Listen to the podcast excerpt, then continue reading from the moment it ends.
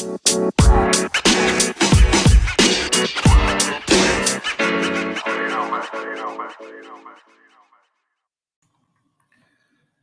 semua, selamat sore para sahabat. Kembali dengan saya di sini, Jerry Sumampau dari Kota Semarang, Jalan Tegalsari. Pada sore hari ini, teman-teman, saya akan kembali berbagi pengalaman terkait pada hari ini luar biasa, lelah namun memuaskan. Pagi ini dari pagi sampai dengan siang dan sore hari ini kita sudah bersama-sama membacakan berita, berbagi cerita, dan hari ini, sore ini, pada saat ini saya mau, wah, kita lihat jam, sekarang pukul 5 lewat 28 sore hari, di tanggal 13 November 2021. Ya, seperti biasa kita akan berbagi kisah dan cerita pada sore hari ini, teman-teman di mana pun berada, saya mau berbagi cerita terkait dengan saya baru saja. Shh, saya mau berbisik.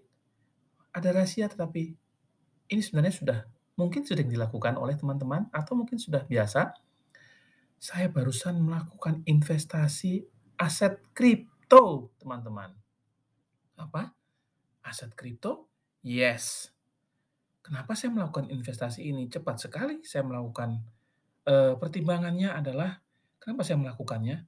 Karena aset kripto ini berjalan 24 jam, pertama ya, berjalan 24 jam dikali 7 hari. Jadi tidak pernah istirahat ya. Ya, pertama. Yang kedua, aset kripto itu sangat banyak. Ya, sangat banyak. Saat ini ada lebih dari 40 jenis ya aset kripto itu dan seperti teman-teman tahu, sudah sering dibahas di media-media sosial, aset kripto ini karena masih baru dan juga prosesnya masih booming ya, teman-teman. Prinsipnya ya seperti itu, karena masih baru, masih banyak peluang untuk dijadikan sebagai instrumen investasi.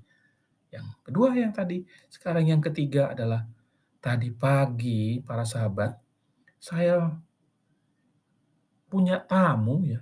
Tamu saya ini bercerita tentang investasi pada aset kripto. Nah, saya tergugah tuh teman-teman. Selama ini sudah sering melakukan investasi, bukan cuma pada aset kripto sebenarnya. Karena aset kripto ini baru saya lakukan hari ini. Tetapi saya dahulu pernah melakukan dan sampai sekarang sih saya masih memiliki aset berupa saham di pasar modal Jakarta, Bursa Efek Jakarta ya. Kemudian juga saya beberapa kali eh, mencoba melakukan latihan atau bukan latihan saya sebenarnya uang sungguhan ya, tapi dalam jumlah yang sangat kecil eh, berlatih untuk melakukan transaksi falas. Saya melakukan beberapa cara transaksi, namun memang kelihatan bahwa aset falas ini bukan untuk pemain kecil ya, seperti kita. Jadi kita harus tahu bahwa, mmm, untuk investasi itu kita harus mengetahui berapa besar, eee, investasi yang dibutuhkan dan berapa besar resiko yang harus kita tanggung. Semakin besar resiko, mestinya sih semakin besar keuntungan yang kita harapkan. Nah untuk setiap aset seperti ini ya, aset kripto, aset falas, valuta asing ya, foreign exchange ini, uh, bursa efek Jakarta, ini kalau dalam ekonomi mungkin disebut juga dengan uh, transaksi-transaksi derivatif atau transaksi-transaksi future trading yang underlying-nya atau uh, materialnya kadang-kadang bahkan masih berupa ya seperti ini yang barusan saja masih berupa teknologi ya. Kita, hmm, kurang tahu juga sebenarnya sih, apa yang membuat kita, uh, dijamin dengan misalnya kita membeli aset kripto. Kan beda ya, seingat saya kalau beli saham, kalau kita beli saham itu dulu, kita bisa membeli saham dalam bentuk dan kemudian dijadikan bentuk kertas gitu loh, lembaran kertas. Sementara ini, katanya kalau aset kripto itu, saya barusan baca loh, itu aset kripto hanya dijamin dengan teknologi blockchain. Apa itu teknologi blockchain? Teknologi blockchain itu katanya adalah teknologi yang eee, bisa membuat kita aman karena, eee, setiap setiap, eee, transaksi itu dijamin, eee, dengan, eee, kerahasiaannya. Iya seperti itulah. Tapi baru juga saya baca, di Turki kalau nggak salah atau di Eropa terjadi fraud ya atau, kecurangan dalam transaksi seperti ini. Nah, saya sih bukan mau promosi ya, ini, eee, saya barusan melakukan transaksi dengan menggunakan aplikasi Peluang. Saya mendownload aplikasi Peluang di maaf, di Apple eee, Play Store ya, bukan Apple Store, maaf.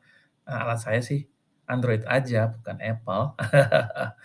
Jadi saya mendownload-nya tadi dan kemudian saya memperhatikan bahwa, eee, saya bisa melakukan transaksi dengan membuka, eee, dengan buka investasi senilai Rp200.000, saya bisa melakukan transaksi.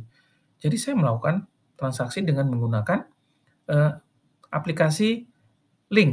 Jadi untuk melakukan pindas pindah, eee, pindah apa, transaksi transfer ya, saya melakukan link saja. Dengan menggunakan link lebih mudah, saya melakukan transfer, investasi, saya masukkan ke dalam, eee, akun akun saya di Peluang ya, akun Peluang ini ternyata sudah dijamin oleh, mmm, otoritas jasa keuangan katanya seperti itu saya lihat. Jadi sudah diawasi oleh OJK dan sepertinya kalau saya melihat memang aman. Mmm, aplikasi ini juga mengatakan kalau dia tidak mengambil biaya dari transaksi, tetapi dia mengambil dari spread atau selisih jual dan beli. Ah, okelah, cukup murah kalau seperti itu karena memang spread itu bisa dilebarin, bisa juga dikecilin. Tetapi biaya sama sekali tidak ada katanya gitu. Jadi kita lihat aja kalau Anda, eee, toleransi terhadap hal seperti ini ya mungkin lebih aman sih dengan melakukan transaksi menggunakan Peluang ini, ya aplikasi Peluang untuk mendapatkan peluang keuntungan, mudah-mudahan ya seperti itu. Oke, eee, tadi saya mengambil posisi di cryptocurrency ya, eee, cryptocurrency itu apa, saya, eee, baru juga belajar, cuman saya melihat ini peluangnya yang cukup baik ya, dibandingkan kalau saya melakukan transaksi falas. Saya sudah pernah melakukan falas dan rasanya sih, eee, kurang berkenan sih. Ya tapi untuk saya, okelah itu untuk belajar bagaimana kita melakukan investasi, eee, mata uang atau me menginvestasikan sejumlah, eee, uang yang kita miliki, ya seperti itu teman-teman. Oke, eee, mungkin teman-teman bertanya juga, "Lalu Pak Jerry, apa yang Anda investasikan di kripto tadi?" Iya, ada deh. Yang jelas mata uang itu sempat dibahas sempat dibahas dan mestinya sih bukan sesuatu yang baru karena dia kalau Bitcoin udah lama ya, tapi ini ada hubungan-hubungannya juga dengan ya gambar-gambar animal lah. Saya juga seorang seorang veterinarian ya. Wah, jangan sampai kebuka nih investasi saya. Ya deh, nggak apa-apa. Silakan teman-teman kalau mau jual atau beli sama aja, mau beli atau jual, jual atau beli. Cryptocurrency bisa dilakukan jual di muka atau beli di muka, sama aja, seperti itu ya teman-teman. Monggo silahkan untuk melakukan investasi, sudah saatnya kita untuk melakukan investasi yang cerdas. Oke, ini dulu nanti kita akan lakukan, eee, percakapan selanjutnya ya. Terima kasih.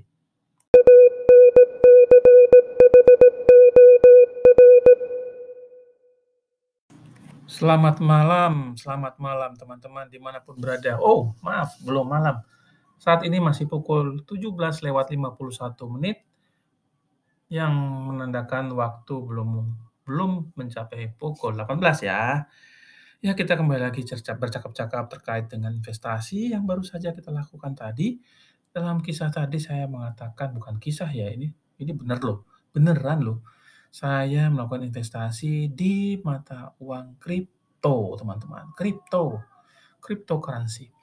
Nah, ini hal yang baru saya lakukan sebenarnya kalau untuk kripto. Kalau untuk saya sih melihat ini seperti peluang investasi yang saat ini memang harus, eee, kita lakukan ya di tengah kondisi di mana, mmm, tingkat suku bunga mata uang, eee, di Bank Indonesia kalau kita melakukan deposito luar biasa ya, untuk Rp100.000.000 kita hanya, eee, diberikan, eee, kembalian atau return mungkin sekitar, eee, 150 ya kan, nilai deposito kita untuk satu bulan itu nilainya mungkin hanya return, eee, 3% dibagi 12 ya, jadi sangat kecil ya teman-teman ya. Walaupun demikian ya akhirnya kita sebagai, eee, pemilik modal atau memiliki modal yang pemilik modal berapa besar sih? 100.000.000 aja enggak ya, maaf teman-teman ya. Kita ini memang pemodal, tapi pemodal kecil-kecilan ya. Jadi kalau naruh uang di bank pasti habis. Ya daripada habis maka lebih baik kita mencari alternatif atau alter investasi yang memungkinkan kita dalam jumlah kecil bisa meletakkan, eee, dana kita untuk kita, eee, lakukan investasi dan kita kelola sendiri. Kalau kita kelola sendiri berarti tanggung jawab investasi itu kita letakkan pada kita. Sebesar apa pun investasi yang kita lakukan, sebesar itu pula, eee, keuntungan atau kerugian yang bisa kita capai. Kita yang kita yang menanggungnya, bukan orang lain.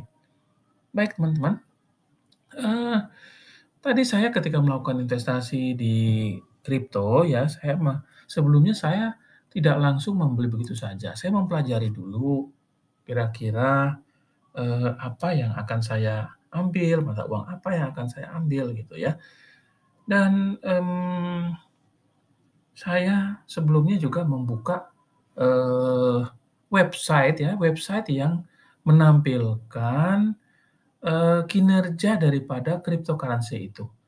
Jadi teman-teman sebagai informa sebagai informasi saja, kalau teman-teman ingin membeli apa pun ya, mau membeli reksadana, mau membeli saham, mau membeli currency atau forex transaction, teman-teman mesti memperhatikan kinerja teknikal namanya. Nah, kiner kinerja teknikal ini kurang lebih akan menggambarkan sampai sejauh mana, eee, investasi yang kita berikan itu kira-kira dapat memberikan imbal hasil pada kita. Apa maksudnya imbal hasil? Imbal hasil maksudnya ketika kita menginvestasikan misalnya uang senilai Rp1.000.000, kita mungkin saja sudah mempunyai suatu tujuan. Dengan Rp1.000.000 yang kita berikan atau kita investasikan, kita akan meminta imbalan pasar atau imbalan dari investasi tersebut sebesar 30% misalnya 1 tahun.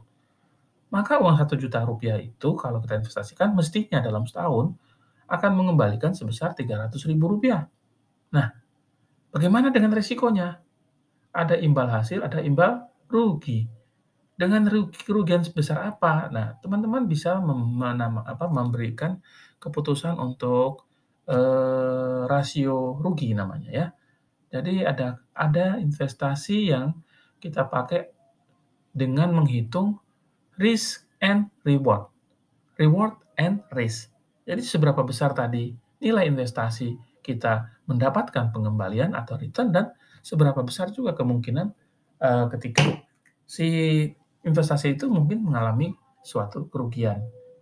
Gitu ya teman-teman. Jadi teman-teman bisa, eee, bisa mem membanding-bandingkan kira-kira, dengan nilai kerugian seperti ini saya menginvestasikan segini dengan dengan, mmm, suatu keuntungan di masa depan yang juga nilainya kurang lebih sekian. Jadi tidak kosong gitu ya, teman-teman ketika melakukan investasi tidak kosong. Karena apa? Investasi kalau, eee, asal investasi itu namanya buang-buang duit. Daripada buang-buang duit lebih baik kita, eee, belanja aja, belanjain barang dong ya. Dan kita bisa memakai barang tersebut untuk waktu yang panjang, memberikan kita rasa nyaman karena memiliki barang, ya kan? Kita menggunakan barang daripada kita buang-buang duit untuk membeli sesuatu yang kita tidak tahu. Ya, jadi saya juga ketika membeli ini, saya, me melakukan, eee, perhitungan ini yang minimal. Loh, tapi ngitungnya kok cepat banget? Iya, tentu saja, karena saya tadi saya katakan bahwa ketika kita melakukan investasi, kita harus punya tools. Apa tools yang kita pakai? Saya melihat untuk investasi di pasar uang seperti foreign exchange dan cryptocurrency ini, kita bisa memakai technical analysis. Ya kan? Dengan technical analysis, teman-teman bisa memprediksi, eee, kemungkinan harga itu apakah dalam, eee, tren naik, apakah tren turus turun, ataukah dalam posisi sideways market, di mana membentuk pasar dengan harga puncak dan harga bawah yang, eee, menunjukkan peluang terjadinya uptrend, downtrend, atau sideways trend. Seperti itu teman-teman. Jadi, untuk investasi ini, saya juga tidak mengatakan bahwa suatu investasi pasti, pasti untung. Kalau kita mengatakan suatu investasi pasti untung, itu berarti kita sudah membohongi kemungkinan daripada uh, risk, resiko. Tetapi, suatu investasi yang telah diperhitungkan dengan baik dan telah memiliki alat tools yang kita percayai, kita gunakan sebagai alat untuk meminimalisir kerugian, maka kita bisa katakan bahwa kita sudah melakukan investasi yang cukup prudent, ya, prudent, uh, cukup hati-hati dan mudah-mudahan dengan demikian investasi yang dilakukan bisa menghasilkan imbal hasil, imbal beli yang memadai. Demikian teman-teman, dan saya yakin saya pernah mengalami hal-hal yang menyenangkan ketika di pasar modal kurang lebih di tahun 2000 sampai dengan tahun 2015. 15 tahun teman-teman. Dan hasil panennya kalau menurut saya luar biasa. Memang menurut saya kalau saat ini yang paling memungkinkan untuk kita melakukan investasi yang uh, bernilai tinggi di masa depan kita uh, harus pandai-pandai melihat alat-alat atau tools apa yang akan kita pakai untuk uh, investasi itu menjadi berkembang di masa yang akan datang. Baik teman-teman, mungkin kalau ada komentar dari teman-teman silahkan bisa mengirimkan email kepada saya lewat Spotify atau lewat podcast ini. Saya juga mengajak teman-teman mungkin yang mau berdiskusi terkait ini. Mari kita uh, sama-sama kita uh, mudah-mudahan kita bisa berbagi cerita untuk beberapa yang lainnya Nanti dalam waktu yang dekat kita akan melihat apakah investasi saat ini saya uh, berinvestasi dengan nilai saat ini 0,26. Ah, 0,26 nanti teman-teman bisa nyari sendiri. 0,26 itu itu kripto apa ya 0,26. Ya nanti kita lihat beberapa saat lagi 0,26 apakah menjadi 0,5 ataukah menjadi 0,8 kita tunggu saja ya teman-teman. Saya berharap investasi ini atau kisah-kisah ini bisa menggugah teman-teman untuk mencari beberapa alternatif investasi yang sangat sangat terbuka pada zaman ini. Di zaman teknologi yang sangat maju ini, di mana tidak ada lagi batas-batas uh, negara, tidak ada lagi batas-batas cara kita melakukan investasi. Semua bisa dilakukan asal kita punya kemauan terus terus belajar untuk terus memperbarui diri dengan berbagai informasi yang ada, kita bisa menciptakan keuntungan-keuntungan uh, untuk kita dan juga bisa membuat kita terus berkontribusi positif untuk lingkungan kita. Baik teman-teman, untuk saat ini sekian dulu. Terima kasih. Kita kontak lagi dalam waktu yang uh, dekat. Terima kasih dan salam sukses selalu. Tuhan memberkati Anda.